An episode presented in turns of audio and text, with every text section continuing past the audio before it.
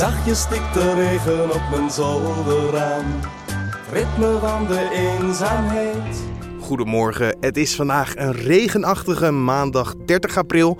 Maar ik vind het weer fijn dat je weer luistert naar de Dit Wordt Het Nieuws podcast. Mijn naam is Carne van den Brink en ik praat je deze ochtend weer bij over het nieuws van de afgelopen nacht.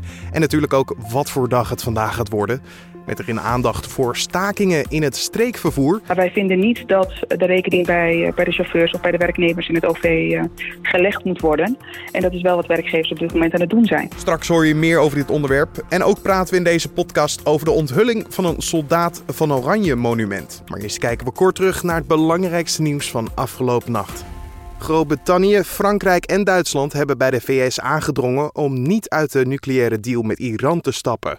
De leiders van de drie landen hebben hierover zondagmiddag met elkaar getelefoneerd. Ze werden het over eens dat de deal aangevuld moet worden met nieuwe afspraken. Die moeten gaan over het ballistische raketprogramma van Iran. Bedrijven in Nederland produceren schoner en verbruiken naar verhouding minder grondstoffen. Verder gaat het heel goed met bedrijven die zich bezighouden met milieubescherming en natuurlijke hulpbronnen. Er is meer productie en werkgelegenheid bij dit soort bedrijven, zo meldt het Centraal Bureau voor de Statistiek vandaag.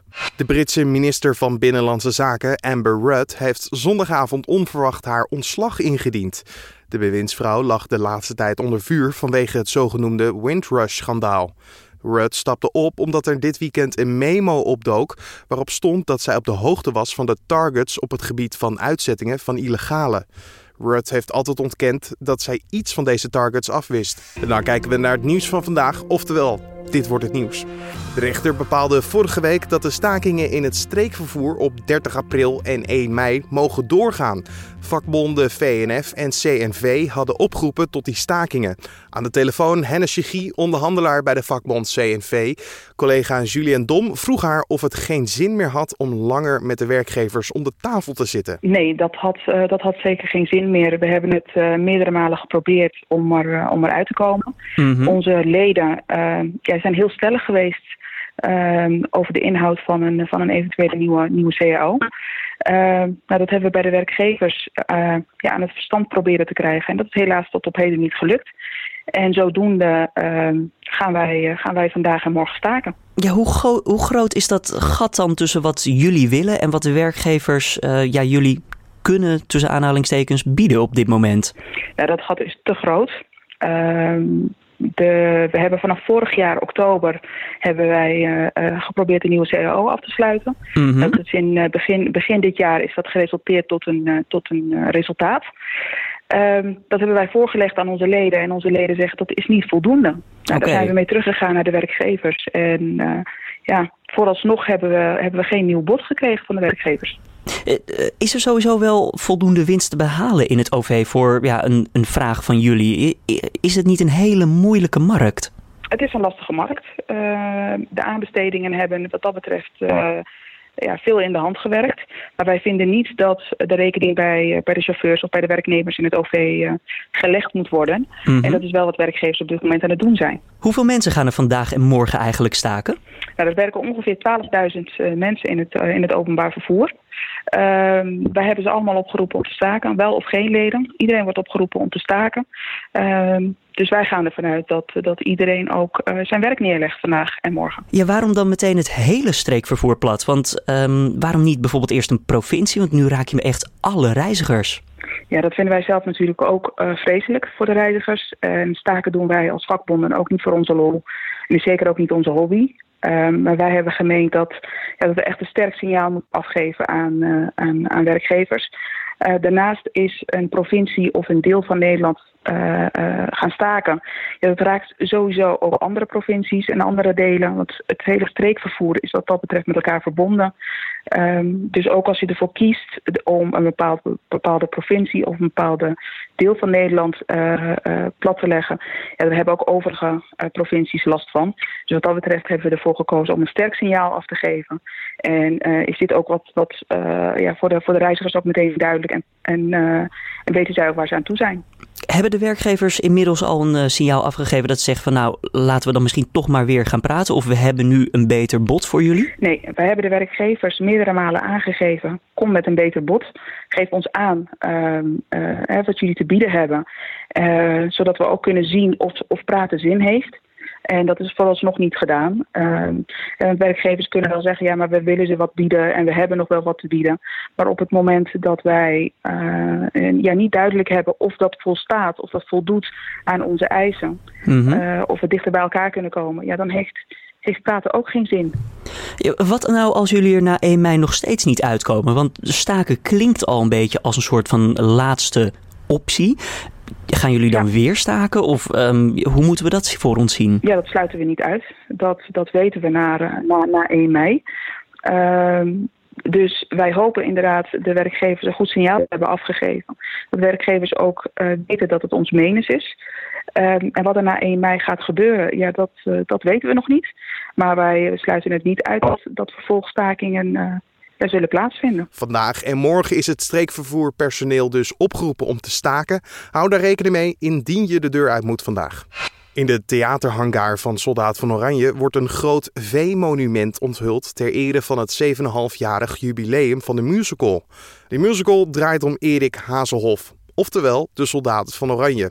Erik wordt om en om gespeeld door Theo Martijn Wever en Alex van Bergen. Podcastcollega Julien Dom sprak eerst met Alex over het succes van de musical. Ja, dat is volgens mij een combinatie van een aantal dingen. Het, is een heel belangrijk verhaal, een heel mooi verhaal ook.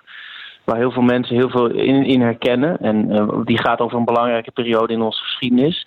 En dat verhaal wordt heel heel goed verteld en heel mooi. Je hebt natuurlijk het, uh, de draaiende tribune, de prachtige decors, de fantastische muziek. Um, en uiteindelijk is het, is het eigenlijk een heel simpel verhaal over keuzes maken. Mm-hmm. Over een groep, groep mensen die, die onder druk wordt gezet om, om een bepaalde keuze te maken en allemaal hun eigen pad gaan. En volgens mij is dat heel herkenbaar voor het publiek. Dus de musical stelt je echt de vraag van wat zou jij doen en, en dat is natuurlijk ook een vraag die nog steeds heel actueel is. Ja. Dus het, het lukt ze om, om dat verhaal naar het heden te halen. En, en, uh, en dat vind ik heel knap. Uh, zeg, jij, jij bent niet de enige die Erik speelt natuurlijk. De soldaat van Oranje, Theo Martijn Wever, die hij, speelt hem ook. Wat is tussen jullie ja. twee het grootste verschil, denk je? Wat, wat geven jullie allebei als eigen mee aan het personage? Oeh, dat is een moeilijke vraag. Um, ja, hij, hij legt zijn eigen accenten, zoals elke acteur dat doet bepaalde, mm-hmm. uh, bepaalde kleuring van bepaalde teksten. Maar het, het, zeg maar het basispersonage, de Erik Hazelhoff, daar hebben we natuurlijk uitvoerig over gesproken met de regisseur en, en met het script. Dus daarin zit wel een flinke overeenkomst. Dat moet ook wel, denk Hij ik, doet ja. Het op zijn manier en ik doe het op, zijn, op mijn manier. Maar allebei is het iemand die, um, ja, die een enorm sterk innerlijk kompas heeft. Die, die voelt van ja, ik moet iets doen. Ik weet niet zo goed wat, maar dit, dit gaat zo niet. En uh, hij maakt bepaalde keuzes en dat doet hij vrij snel. Mm-hmm. En, en hij loopt best wel voorop. Hij heeft een soort bravoer. En dat, dat bewonder ik wel heel erg in hem. Toen ik, um, toen ik de rol ging bestuderen, dacht ik wel, wauw, dat is wel dat is wel te gek dat je dat zo durft en dat je dat zo doet. Zeker in zo'n onzekere tijd. En van die durf en bravoure is ook terug te vinden in het V-monument dat later vandaag gepresenteerd wordt. Je hoort Theo Martijn Wever in gesprek met Julien Dom. Er worden voorwerpen in verwerkt die voor bezoekers symbool staan voor hun herinnering aan de Tweede Wereldoorlog. Um, zou jij een voorwerp kunnen noemen wat jou echt doet denken aan de Tweede Wereldoorlog? Uh, nou, eentje uit het boek die me wel heel goed bij blijft staan is een uh, dolk. Die mist een, uh, het, het, puntje van de dolk mist. Die zit in het V-monument. en het verhaal gaat dat er jongens ehm, werden opgepakt door de razzia's. Mm-hmm. um, die werden in een trein meegevoerd naar een werkkamp. En um, de jongen die het mes bij, de dolk bij zich had, die was 15 jaar. De Duitsers waren hem vergeten uh, uh, te fouilleren omdat hij zo jong was. Of hadden gedacht van nou dat is niet zo belangrijk, dat hoeft niet, die zal wel niks engs bij zich hebben. Ja. Uh, door die dolk is uiteindelijk hebben de jongens die zijn opgepakt, hebben de wagon weten te openen. En die zijn zo uit de wagon kunnen springen. Um, dus die konden ontsnappen. Een, die konden ontsnappen inderdaad. En dat vond ik wel een, ja, dat is wel een soort van stoer verhaal. Door, door een ongelukje eigenlijk wel hebben ze elkaar weten te, te bevrijden uit nou ja, waar ze eventueel naartoe zouden, zouden gaan. Je, je, hoort eigenlijk aan dit verhaal al, het is inderdaad een stoer verhaal, maar het is ook ontzettend serieus. Kunnen jullie dan als cast met elkaar nog wel een beetje geinen en plezier hebben ook op het moment dat je natuurlijk zo'n rol speelt en dat verhaal brengt? Ja, nou er zitten wel wat luchtige scènes in de voorstelling. Uh, zoals de ontmoeting uh, met de koningin. Daar zit, uh, als ze voor het eerst op bezoek gaan bij de koningin, dan krijgen ze regels uitgelegd. En het, uh, de, de, de, de, titel van het nummer heet De Koningin doet geen nee. Mm -hmm. En in dat nummer wordt door uh, de, de, de, de, de dienstmeiden van, uh, van de, de hofdames, kwam ik niet door. de hofdames van de koningin wordt uitgelegd dat je geen nee in het bijzijn van de koningin mag zeggen. Nou, dat gaat met de voorstelronde al helemaal verkeerd. dus er zitten wel scènes in waarin ook even gelachen mag worden. En ehm, Natuurlijk ook achter de schermen, als wij niet op zijn, dan wordt er ook nog wel een beetje gelachen. Uh, over het algemeen is het, als wij op de scène staan, dan proberen we het verhaal natuurlijk wel zo serieus mogelijk te spelen met elkaar. Vandaag dus de onthulling van het Vee-monument ter ere van het 7,5-jarig jubileum van de musical Soldaat van Oranje. En dit gebeurt er verder vandaag nog. Vertegenwoordigers van meer dan 200 landen komen bijeen in het Duitse Bonn om te spreken over het klimaat. Tijdens de belangrijke informatietop, die in totaal 10 dagen duurt, moet onder andere vastgesteld worden hoe de afspraken uit het vorige jaar gesloten Klimaatakkoord van Parijs nagekomen zullen worden. En dan kijken we waar onze collega's vandaag over schrijven. Er komt voorlopig geen snelle treinverbinding tussen Amsterdam en Berlijn. Zo schrijft Trouw vandaag. Dat blijkt uit gesprekken tussen de NS en de Deutsche Bahn. Om de reistijd van 6 uur en 20 minuten te verkorten is geld nodig. Maar dat hebben de Duitsers niet. Ook het overslaan van stations is lastig te realiseren, omdat de steden aan het traject van de trein hun internationale verbinding willen houden. Politievrijwilligers moeten dezelfde beloning krijgen als normale politieeenheden. Daarover pleit Michael Zijbom van de landelijke organisatie Politievrijwilligers vandaag in het AD. In sommige regio's is de politie zo onderbezet dat politievrijwilligers structureel bijspringen omdat een merendeel van de vrijwilligers dezelfde opleiding heeft gevolgd als gewone politieagenten, is de veiligheid niet in het geding.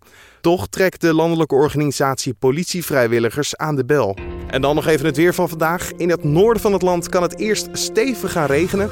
Het is dan in de rest van het land overwegend droog, maar wel bewolkt. In de middag klaart het zo af en toe even op. Maar vooral in het oosten kan het stevig waaien. En vanavond neemt de kans op buien weer verder toe. En trekt de wind ook in de rest van het land verder aan. Het wordt vandaag 11 tot 17 graden. En dan nog dit. Ik leef een leven zoals ik dat wil. Ik bemoei me toch ook niet met een ander. Zanger André Hazes en zijn vriendin Monique Westenberg zijn uit elkaar. De twee waren bijna vier jaar samen en kregen in 2016 een zoon. De 24-jarige André Hazes zei in shownieuws dat het niet zo lekker gaat tussen de twee. Volgens Monique Westenberg is de breuk vooral te wijden aan het drukke schema van André Hazes. Laat mij nu gaan, laat mij nu gaan. Oh. Dit was dan de Dit wordt het nieuws podcast voor deze maandag 30 april. Je kan de Dit wordt het nieuws podcast natuurlijk elke ochtend vinden in je podcast app zoals iTunes, Spotify of je Android apps en natuurlijk ook via de site om 6 uur ochtends. Vind je het tof om elke dag te beluisteren of heb je feedback? Laat het ons weten via redactie.nu.nl of via de recensiepagina van iTunes. Voor nu wens ik je een prachtige dag en tot morgen.